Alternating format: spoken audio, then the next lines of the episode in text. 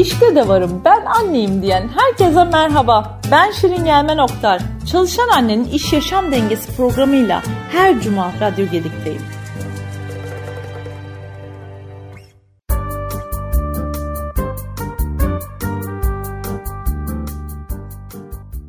Herkese merhaba. Çalışan Annenin İş Yaşam Dengesinde bugün Hani deriz ya böyle ya ben üst seviyelere nasıl çıkacağım? Ya menajer olmak istiyorum, kariyerimde ilerlemek istiyorum. E aynı zamanda da ya birkaç tane daha çocuğum olsun. Tek çocukta da kalmak istemiyorum deriz ya. İşte tam da bunu düşünen çalışan anneler varsa ya da henüz çalışma hayatına başlamamış, daha anneliğe adım atmamış, bizi dinleyen kadınlar varsa Bence onun hikayesi bize ilham verecek. Hoş geldin Sel... Konuşamadım bak. O kadar heyecanlandım ki hoş geldin deyip kaldım. Ee, Selva Demirel. Merhabalar. Öncelikle çok teşekkür ederim bu kadar güzel bir açılış konuşması için. Ben de birden kendimi böyle ya evet ben bunları yaptım aslında e, diye düşündüm ve çok mutlu oldum. E, ben Selva. Zaten artık biliyorsunuz üç çocuk annesiyim. Evet hemen ilk ee, turumuzda başlayalım. Çalışan anne kimliğiyle bir Selva'yı tanıyalım o zaman. Üç ee, çocuk annesi evet bura, buranın altını evet, fayda var. Ben üç çocuk annesiyim ve çalışan bir anneyim. Ee, aslında ben hayatım bunu nasıl sağladım? Ben hayatımı ikiye böldüm. Hmm. Ee, iki şapka takıyorum. Çalışma şapkası e, ve e, çalışan anne şapkası. Çalışma şapkasını kafama geçirdiğim zaman bütün duygularımı alıp bir e, kutuya koyup kilitliyorum ve çalışırken aslında bütün o annelik, çocuklar, ev hayatı, dün ne oldu her şeyi geriye koyuyorum. Sadece çalışıyorum. E, ama annelik öyle değil. Çalışan anne şapkasını taktığımda aslında anneliğe geçtiğimde bence annelik çok duygusal. Öyle olunca iş hayatından gelen bütün stresleri, süreçleri, e, trafikteki sıkıntımı, yoldaki mutluluğumu, mutsuzluğumu her şeyi anneliğe taşıdığımı düşünüyorum. E, bu da e, şunu sağlıyor. E, çok duygusal bir anneyim evet ama e, çok kuralcı bir anneyim. Çünkü çalışan annelerin çocuklarıyla geçirdiği süre çok kısa e, ve dağınıklığın bu süreci e, çok negatif etkileyeceğini düşünüyorum. Çocuklarını çok seven bir anneyim. Ee, ama günün sonunda belki de her çalışan annenin söyleyeceği şey kendimi sadece yeterli bir anne olarak hissediyorum. Ancak yeterli olabilecek kadar anneyim. Umarım yetiyorumdur. Yani bu o, kelime çok kıymetli. Bu kelimeyi bazen hiç söyleyemiyoruz. E, yetemiyorum, yetemiyorum diyoruz. O yüzden bu kelimenin hakkını verebilmek çok kıymetli. Annelik ve çalışan annelik kısmıyla tanıdık ve biraz da İş hayatıyla ben ilk soruma geçmek istiyorum. İş hayatında basamaklar yükseldikçe, sorumluluklar arttıkça bunun karşılığı bazen ünvan oluyor, ee, bazen e, ünvan olmuyor ama sorumluluklar artıyor. Yükseldikçe e, evdeki düzenin daha zorlaştığını, eve daha az zaman ayrıldığını ya da daha işkolik annelere dönüşüldüğüne dair e, bir varsayım, bir toplumsal ön yargı e, ya da bir genelleme olabiliyor zaman zaman. İş hayatında basamakları yükselirken ya da bu süreçlerden geçerken bu süreç sizi nasıl etkiledi? Ee, ben ilk çocuğuma hamile kaldığımda e, daha farklı bir firmada çalışıyordum. Şu an çalıştığım firmada çalışmıyordum. E, daha hızlı tüketimin olduğu, insanların çok yoğun çalıştığı, e, sizden e, çok daha uzun saatler çalışmayı talep eden bir firmadaydım. E, ve e, ben kendimden çok emindim. Ne olacak ki işte bu annelerin bahanesi, e, çalışırım da çocuğuma da bakarım E, fikrindeydim. Hala da o fikirdeyim bu arada ama e, hayat bana olaylara daha farklı bakmayı öğretti. Ee, ilk çocuğumu doğurduğumda henüz daha 3 aylıkken ben hazır değilken, o hazır değilken e, çocuğumu bırakmak zorunda kaldım. Çünkü çok talepkar bir işte çalışıyordum. E, ve iş hayatı biliyorsunuz inanılmaz yoğun. E, sizin çocuğunuz mu var? Yok, bakmaz. Çok hızlı replaceable, çok hızlı yeriniz değiştirilebilir. E, ve e, bu süreçte e, çocuğuma vakit ayıramıyordum, sürekli işe vakit ayırıyordum ve e, aslında bir gün e, aynada kendimle yüzleştim. Dedim ki istediğin şey gerçekten bu mu? Yani bu kadar yoğun çalışmak ve e, geri kalan her şeyi göz ardı etmek mi? E, ya da bu sana kötü mü geliyor? Ben bunun bana kötü geldiğini düşündüm ve iş değiştirmeye karar verdim. E, bunu yapmak aslında biraz kendi kendime ihanet etmek gibi geldi başta. E, çünkü ben e, iş hayatında hırslı bir insanım. E, sanki hırsımı köreltiyormuşum gibi hissettim. E, ve sonra aslında e, kendi kendime yaptığım bir başka konuşmada ki bence insanın kendi kendiyle konuşması çok önemli. Şunu fark ettim. Hayır ben hırsımdan vazgeçmiyorum.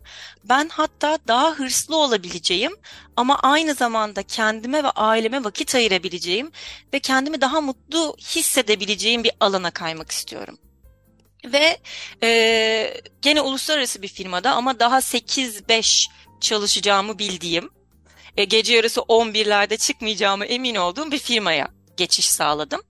Ee, benim alanım pazarlama. Bu firmada pazarlama müdürü olarak işe başladım. Ama benim sürecim biraz daha farklı oldu. Ee, işe girdikten yaklaşık bir hafta sonra ikiz çocuklara hamile kaldığımı öğrendim. Ee, bu benim için de sürprizdi. Şirket için de büyük bir sürpriz olduğunu söyleyebilirim. Ama çok iyi bir firmada çalışıyormuşum ki e, çok çok çok desteklediler beni. Kesinlikle e, bu hamilelik sürecimde ben de e, hiçbir zaman e, doğru ya da yanlış bilemem. E, hiçbir zaman ay ben hamileyim bunu yapmayayım şunu yapmayayım demedim. 35 haftaya kadar çalıştım. Legal iznim buydu.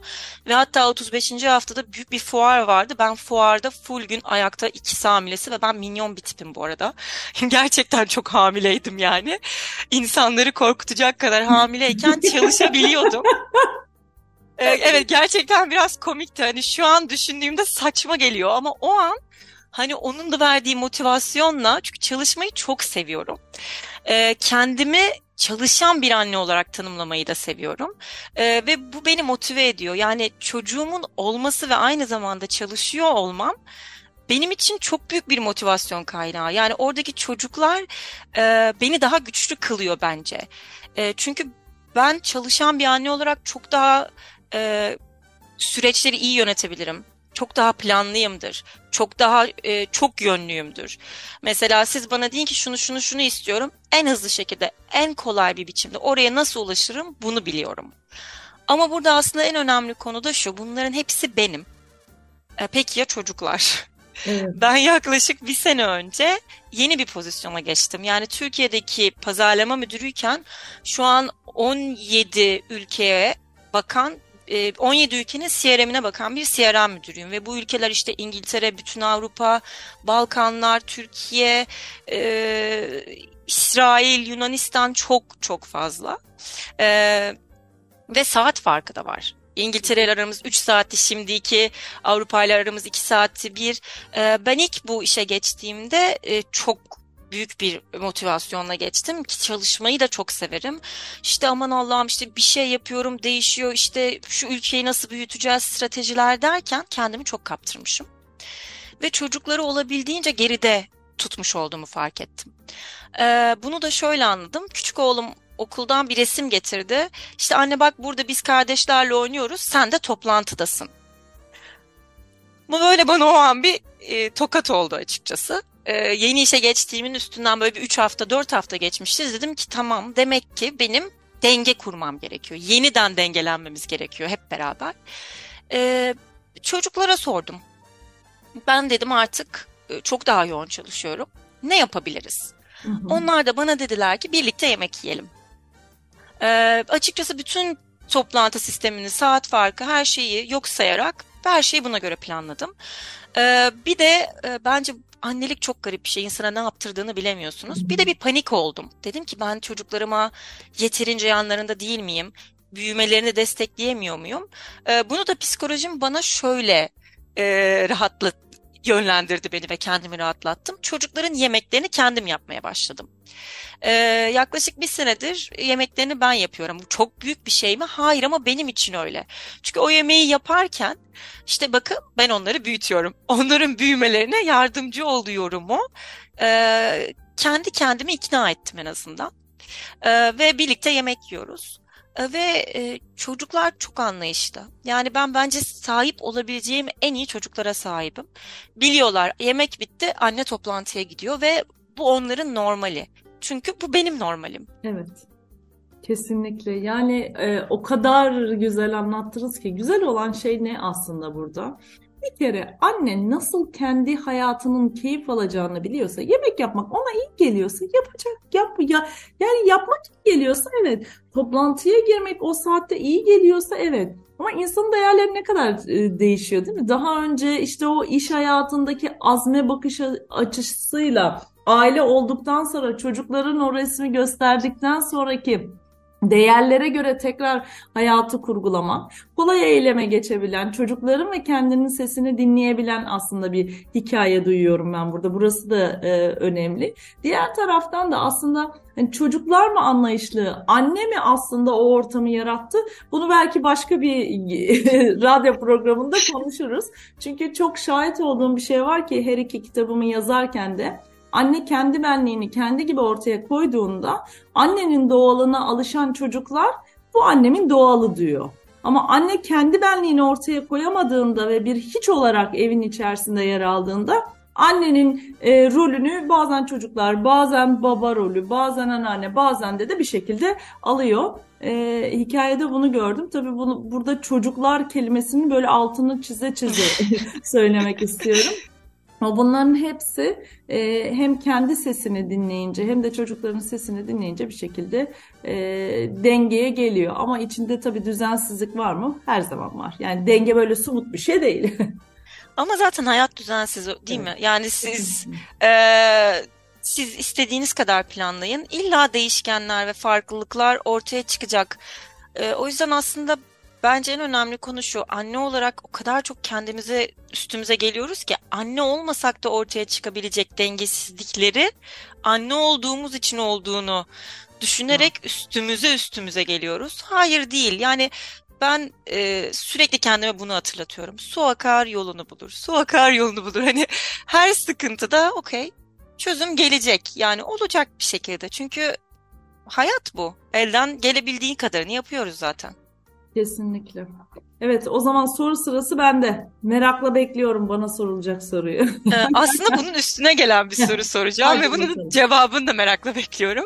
Ee, siz iş ev koşturmacasında kendi psikolojinizi ve motivasyonunuzu nasıl denge tutuyorsunuz? Ee, çok teşekkür ederim. Bu soruya kendimi özledim kitabında bolca değindim aslında ikinci kitabımda. Çünkü ilk kitabı yazdığımda çalışan annenin iş yaşam dengesinde şunu fark ettim ki ya çalışan annelik bildiğin ahtapot. Yani bir böyle ahtapot ve her yerde kolu var. Ve bundan vazgeçmek mümkün değil. Sen vazgeçsen sistem vazgeçmiyor. Sistem vazgeçse çocuklar vazgeçmiyor. iş vazgeçmiyor. Yok böyle ne iş yaptığının da önemi yok. Her işin kendine göre farklı kolları var. Ee, ve bu alanda mola vermeyi sanki e, bir lüks gibi ya kendime zaman ayırmam lazım kelimesini sanki bir görev gibi atfetmek yerine hayır ben çok basit bir metaforla söyleyecek olursam ben bir otobüs şoförü olsaydım 9 e, saat sadece e, o otobüsü kullanmazdım. Arada molalar olurdu yolcuların can güvenliği için.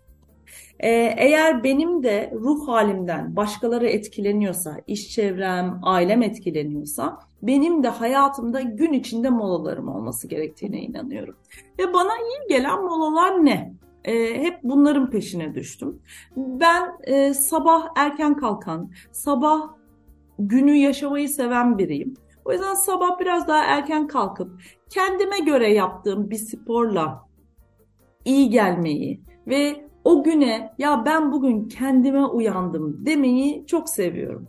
Bazen o sporu yapamıyorum ama o zaman ne yapıyorum? Ee, yağmur, çamur demeden balkona çıkıyorum. Balkonda biraz doğaya bakıp bir 5-10 dakika elimde suyla böyle dışarıya bakmayı seviyorum. Çünkü kendime uyandığım zaman şunu fark ediyorum. Ya diyorum Şirin sen hayatında kendini önemsiyorsun ve bugün senin günün diyorum ve sonra diğer herkes o pencereden bakıyorum. Ama böyle paldır küldür yataktan kalkmışım işte onu da yapmam lazım bunu da yapmam lazım deyince olan hiçbir olayı tam gerçekliğiyle göremiyorum. Sonra yaptığım hareketlerden, düşünce tarzımdan pişman oluyorum ve o pişmanlık beni çok bitiriyor. Ben bunu fark ettiğim günden beri aslında o küçük molalar ve ritüeller yaratmaya çalıştım. Hafta sonu ritüellerim farklı, hafta içi ritüellerim farklı. Spor var. E, sporun dışında e, mutlaka işten gelince yemeğimi yerim e, ve e, yürürüm mutlaka. Yaz, kış, yağmur, çamur mutlaka hiçbir şey yürüyemezsem evin çevresinde dönerim. Çünkü işten e, daha insan odaklı bir iş yapıyorum ve insanların psikolojisini içine alan bir iş alıyorum. O enerjiyi aileme e, yansıtmak istemiyorum. Çocuklar çok alışkındır. Yemeği hep birlikte yeriz ve sonrasında derler ki anne sen yürüyüşe mi? E, o yürüyüş kısmı. Akşamları birazcık böyle kendimce sevdiğim tütsüler var. Onları yapmayı seviyorum. Küçük böyle müzikler dinleyip dans etmeyi seviyorum. Bu, bu, bu tarz molalar. Bir kahve alıp yanında telefon olmadan sadece hadi çocuklar gelin konuşalım şu anda sohbet zamanı demeyi çok seviyorum. Rahmetli Doğan Cüceloğlu'nun Geliştiren Anne Baba kitabındaki en önemli noktalardan biri e, sohbet saatleridir.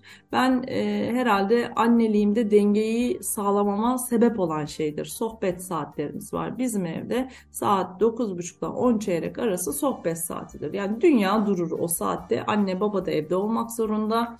Eğer iş gereği evdelerse veya İstanbul'dalarsa. E, bunlar e, ve sosyal alanlar, kız arkadaşlarım onlar da çok kıymetli benim için. Onlarla da mutlaka her hafta bir kız arkadaşımla küçük de olsa, yarım saatlik de olsa, bir saatlik de olsa bir şeyler yapmak. Ee, bunlar aslında benim stresle baş etmemi, o mikro küçük küçük oluşan streslere karşı daha dayanıklı olmamı, karar verirken daha ufku geniş bakmamı sağlıyor diyebilirim. İşte zihin resetleyiciler işte değil aynen mi? Aynen öyle, aynen öyle, aynen. Ee, bu arada e, bir şeye çok katılıyorum. Ee, gün nasıl başlarsa öyle geçer. Ben de aynı şeyi uygulamaya çalışıyorum. Sabah 6'da uyanıp yapabiliyorsam yoga, yapamıyorsam durmak evet. ve sonra herkese günaydın demek ya da o yataktan paldır küldür kalkıp zaten mutsuzlukla herkese günaydın demek bütün sizi ve çocukları çok etkiliyor. Çok katılıyorum. Evet çok yani ben de böyle çalışıyor. Eğer başkalarında farklı çalışıyorsa yani birazcık bedensel ritimlerini herkesin dinlemesini öneririm ben. Beden bir mutlaka bize bir ipucu veriyor. O ipucuyu takip ettiğimizde o ritme göre uyumlandığımızda bence kolay diye düşünüyorum. Peki gelelim üç çocuk meselesine. Şimdi burada üç çocuk aslında aa filan diyoruz da yani e, düşünüyorum eskiden olsa annemlerin zamanında üç çocuk aa beşe kadar yolu var derlerdi herhalde diye düşünüyorum.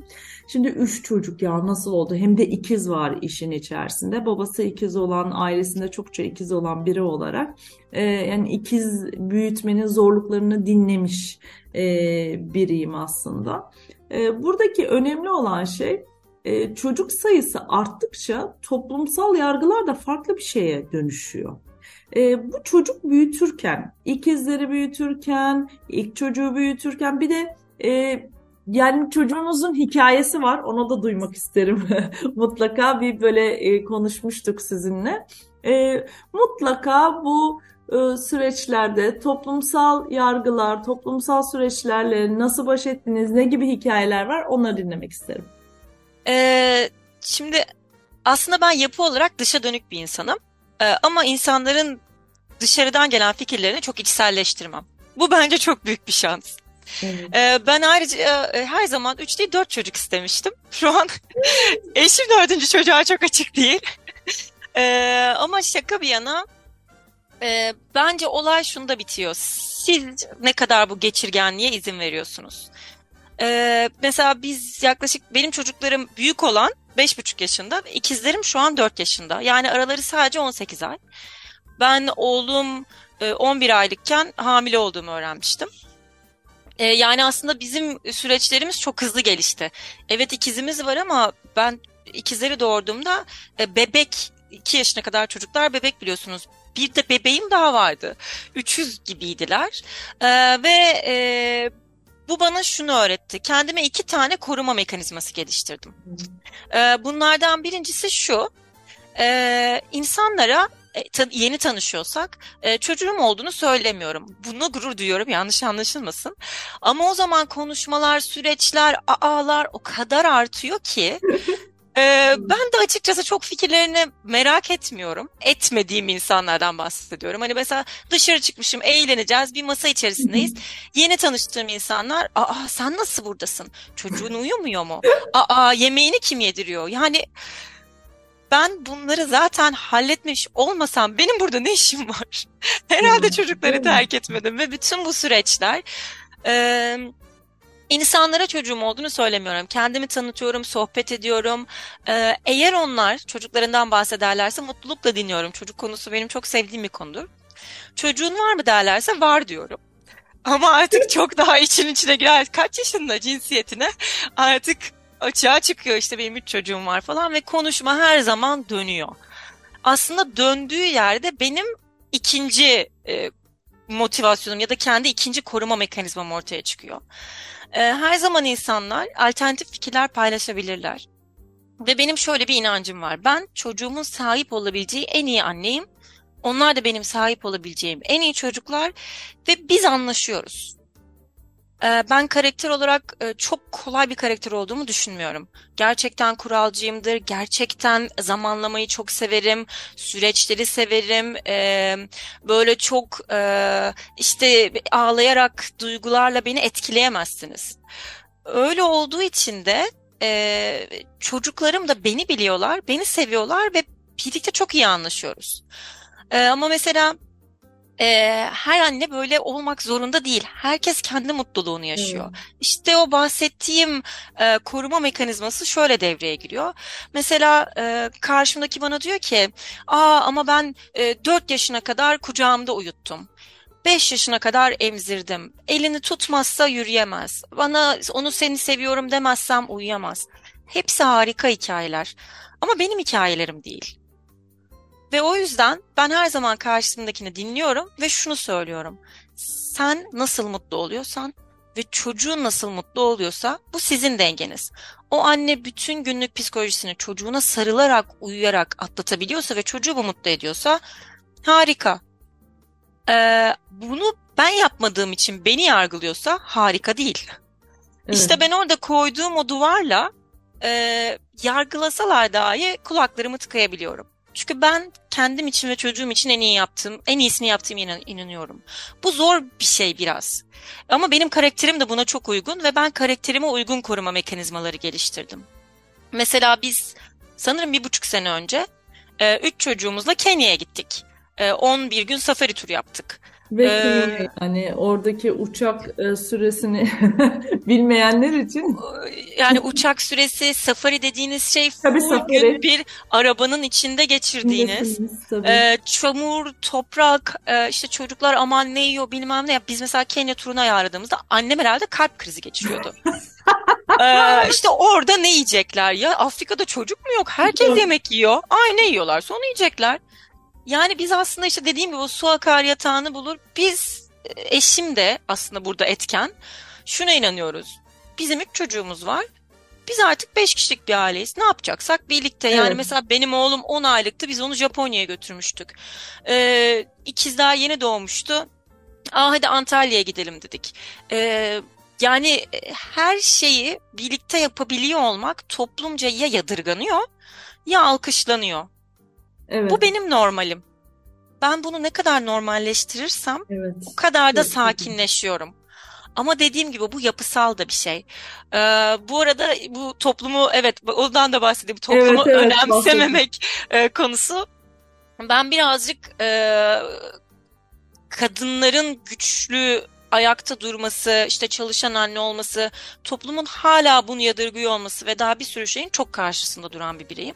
İstediğimizi de yapabiliriz çünkü biz birer bireyiz. Ee, ama e, kanunlar önünde bile tam olarak öyle değil. Mesela doğduğum soyadım kızlık soyadım. Evleniyorum. E, eşimin soyadını alıyorum ve kütüğüm değişiyor. Ee, ben e, kendi soyadımı da tutmak istemiştim. Eşim böyle işte ay beni boşayacak mısın? Niye soyadım benim yetmiyor mu falan gibi böyle saçma bir il- iletişim kurunca dedim ki tamam haklısın. Zaten ben o soyadını tutsam bile devlet de çok onu önemsemiyor. devlet de çok onu önemsemiyor. Evlendiğim eşimin soyadı bana kalıyor. Ee, benim kızlık soyadım Gali. Ve e, en büyük ilk doğan çocuğumun ismi de Gali. Çünkü ben e, bu ismi taşımayı çok seviyorum. E, madem toplumsal olarak taşımam bazı soru işaretlerine sebebiyet veriyor. Ben de dünyaya bunu taşıyacak çok değerli ve harika bir çocuk getirdim. E, o da bunu biliyor ve bundan çok mutlu. Arada gidip anneannesine soruyor. Senin soyadın ne? Anneannesi Kale diyor. çok mutlu oluyor. Böyle te, işte dayısına soruyor. Dayı senin soyadın ne? Onun da böyle çok mutlu olduğu ve aslında büyük bir ailenin e, adını taşıdığının hissiyatını e, ver, vermiş olduk. Aslında amacım bu değildi ama bu da yanda çok güzel bir e, ek getiri oldu. Ya ben bu hikayeyi duyduğumda şundan çok sevdim. Hani ya kızlık soyadı buna böyle dememek lazım, adını değiştirmek lazım. Evet bunların hepsini böyle kendi içinde konuşuyoruz. Ama bunun için ne yapıyoruz acaba? Yani herkes çocuğun ismini koymak zorunda değil ama kendini rahat ve güvende hissedeceği bir şekilde çevirebilir isterse. Buna çok güzel bir örnek. Ee, seyahatler kısmına gelince de ee, belki buranın birazcık daha altını çizmek istiyorum. Çünkü ilk kitabımda ilk çocukla nasıl seyahate çıkmalı diye bir bölüm yazdığımda kitapta en çok soru aldığım noktalardan biriydi. Yani nasıl diye. Galiba biz çalışan annelik rolünde ya da anne baba rolünde, ebeveyn rolünde Çocukla seyahate çıkılmaz, çocukla dışarıya gidilmez. Ço- çocuğun varsa evde oturacaksın kalıplarıyla büyütülmüş bir nesillerden buraya geldiğimiz için çocuğuyla bir yere gitmek gerçekten ya çok alkışlanıyor ya da çok yadırganıyor. Ama aslında biz ayrı değiliz, biz bir bütünüz. Ee, ona göre uyumlanabiliriz. Yani Japonya'da olur, Antalya'da olur, Kenya'da olur. Neresinin hiç önemi yok. Eğer ben kendi içimde çocuklarımla orada mutlu olabileceğime inandığım bir denklem varsa bulmuşsam Bence benim için çok güzeldir. Ee, buna da belki hani yaz da yaklaşıyor ya, ya tatile gitmek istiyorum ama bu çocukları bir yere bıraksam mı e, diye düşünenler var ise onlarla da tatil olmaz ki diye düşünenler varsa onlara da güzel bir örnek olabilir diye düşünüyorum. Evet şimdi son soru. Bende. Şimdi e, aslında bence bu çok spesifik ama gerçekten e, benim de cevabını çok merak ettiğim bir soru bu. E, bu annelerin yüce gönüllü ve ulu birer varlık olarak portrelenmesi durumu söz konusu. Ama aslında biz sadece birer insanız ve aslında birer bireyiz. E, ve bunu zaman zaman kendimize hatırlatmamız gerekiyor. E, bunun için neler yapabiliriz? Ee, teşekkür ederim. Annelik kutsallıktır, kutsaldır. Anne olunca kadın kendi kimliğine bürünüyor. Kadın annelikle kendini yaşıyor. E, terminolojisini o kadar çok duydum ki gerek seminerlerde, gerek kitabı yazarken, gerek radyo programında. Buradaki ana nokta kadın kendi o kadar yok ki sadece annelikle var ki annelikle var olduğu zaman işte o kayınvalidesine de laf geçirebiliyor, eşine de laf geçirebiliyor ki e, annesine de laf geçirebiliyor ki bu çocuk benim diye kendi kimliğini unutuyor. Bir kere bunların hepsinin öncesinde annelikten önce ben bir kadınım ve ben kadın olduğumu nasıl hissediyorum? Ben gerçekten bakış açımla, saçımla, fiziksel görüntümle, e, işimle, yaptığım hareketlerle gerçekten kendimi kadın olarak ne kadar hissedebiliyorum? Bence bu soruyu herkes kendi içinde sormalı. Eğer ben kadın olarak kendimi kabul etmemişsem başka kimlikler arıyorum. Bu bazen annelik oluyor. Bazen e, işte bir menajerlik oluyor, müdürlük oluyor. Bazen abla rolü, bazen komşu rolü, bazen e, herhangi bir rol ama hepsinin ana amacı kurtarmak üzerine.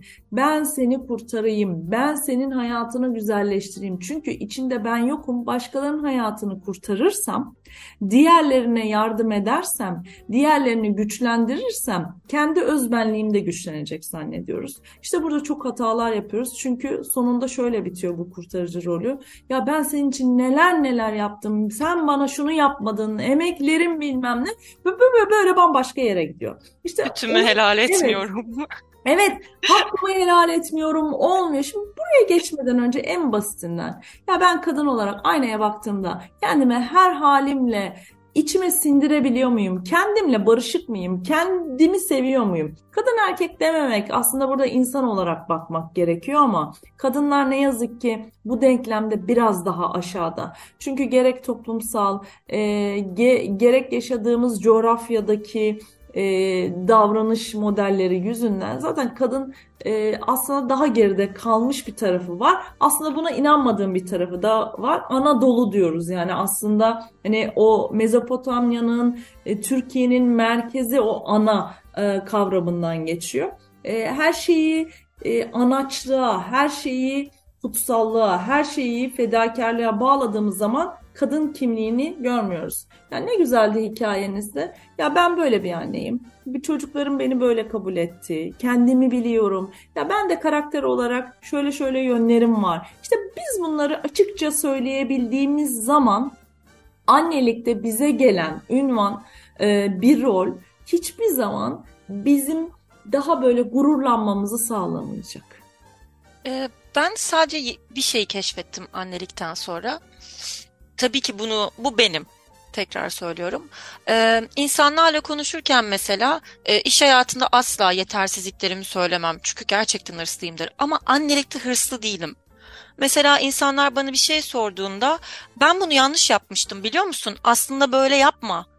Bence bu doğru değildi diyebiliyorum. Çünkü e, bunu yapmam da zaman aldı ama bunu yaparak kendimi de iyileştirdiğimi düşünüyorum.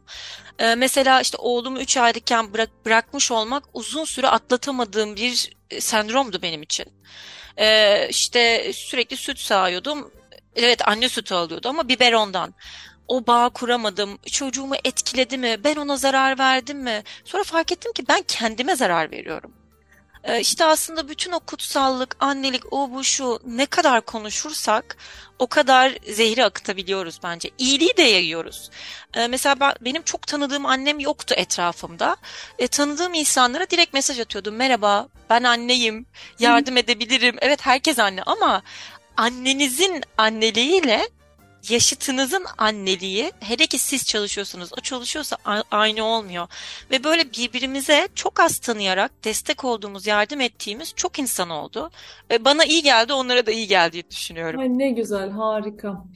Ee, yayın böyle su gibi akarken son dakikalarda herkese sorduğum bir soru var. Çalışan anneliğin matematiksel bir formülü olsa, yani dengenin formülü, iş yaşam dengesinin formül ne olur? Şimdi ana çarpanlar bence hı hı. anne ve annenin psikolojisi olur. Hı. Ama burada çok büyük bir e, belirsizlik var. Çocuklar, çocukların psikolojisi, onların olaylara verdiği tepkiler ve gelecekte verme ihtimalleri olabilecek tepkiler. Şimdi bu kadar belirsizliğin arasında bence bir formül bulmak zor. Ee, ama şu olabilir. Bence annenin huzur ve sakinliği eğrisiyle çocuğun mutluluğu eğrisinin kesiştiği o ilk denge noktasını bulmak. Hmm. Çünkü evet, çok güzel biz oldu. E, çalışan anneler olarak bence temelde problemimiz işte değil. İşten getirdiklerimiz ve e, işten eve taşıdıklarımız ve daha da önemlisi ya kaybettiysem, ya buna eksik kaldıysam, ya çalıştığım için yetersiz kaldıysam dediğimiz o şeyler. Aslında bizim derdimiz evle. Çalışmak değil bizim derdimiz. Evdeki yetersizlik. Çünkü bence işte hepimiz yetiyoruz ve hepimiz çok başarılıyız. Olay işte o iş, evdeki huzur ve sakinlik denge noktasını bulabilmek. Onu bulduğunuzda zaten o rahatlık, huzur, bir yerde kendinizi ikna etme e, işteki dengeyi de size sağlayacaktır. Bir de aslında size bir noktada çok katılıyorum bu molalar. Bence iş yaşam dengesinde de sadece annelik e, evresinde de yani hiç çalış, çalışmıyorsanız bile tırnak içinde söylüyorum. Çünkü çalışmayan bir kadın demek bütün gün evde çalışan, çok ağır sorumlulukları olan bir kadın demek aslında. E, ben kısa molaların bu dengeleri çok iyi e, tutturacağını düşünüyorum. Çünkü bazen mavi ekran veriyoruz gerçekten ne olduğunu anlamıyoruz. Aşırı yorgunluktan iş hayatında, aşırı çocuklar komik insanlar ama bazen çok saçmalıyorlar ya. Bu kadar saçmalığın nedeni ne olabilir? Mavi ekranı da verebiliyoruz bazen. İşte bu kısa molalar Mesela sessizce içilen bir kahve. Ee, sabah erken uyan, uyan, uyanmak istiyorsanız ben uyanmayı seviyorum. Yaptığınız ya bir yoga ya bir pencereden dışarı bakmak. Ee, ya da çocuklarla geçirdiğiniz vakit. Ben bunun çok geniş bir anlam buluyorum. Çocuklarla geçirdiğiniz 15 dakika bile çok kıymetli. sizi dengeliyorsa o mavi ekranlar komik gelmeye başlıyor. Mesela çocuğunuzun yaptığı o saçmalığa gülmeye başladığınızda sizin için de iyi bir yerdesiniz. Ev için de iyi bir yerdesiniz. Çocuklar için de iyi evet. bir yerdesiniz. Ya. İş hayatında da iyi bir yere iyi bir yerdesiniz ya da oraya geliyorsunuz diye düşünüyorum.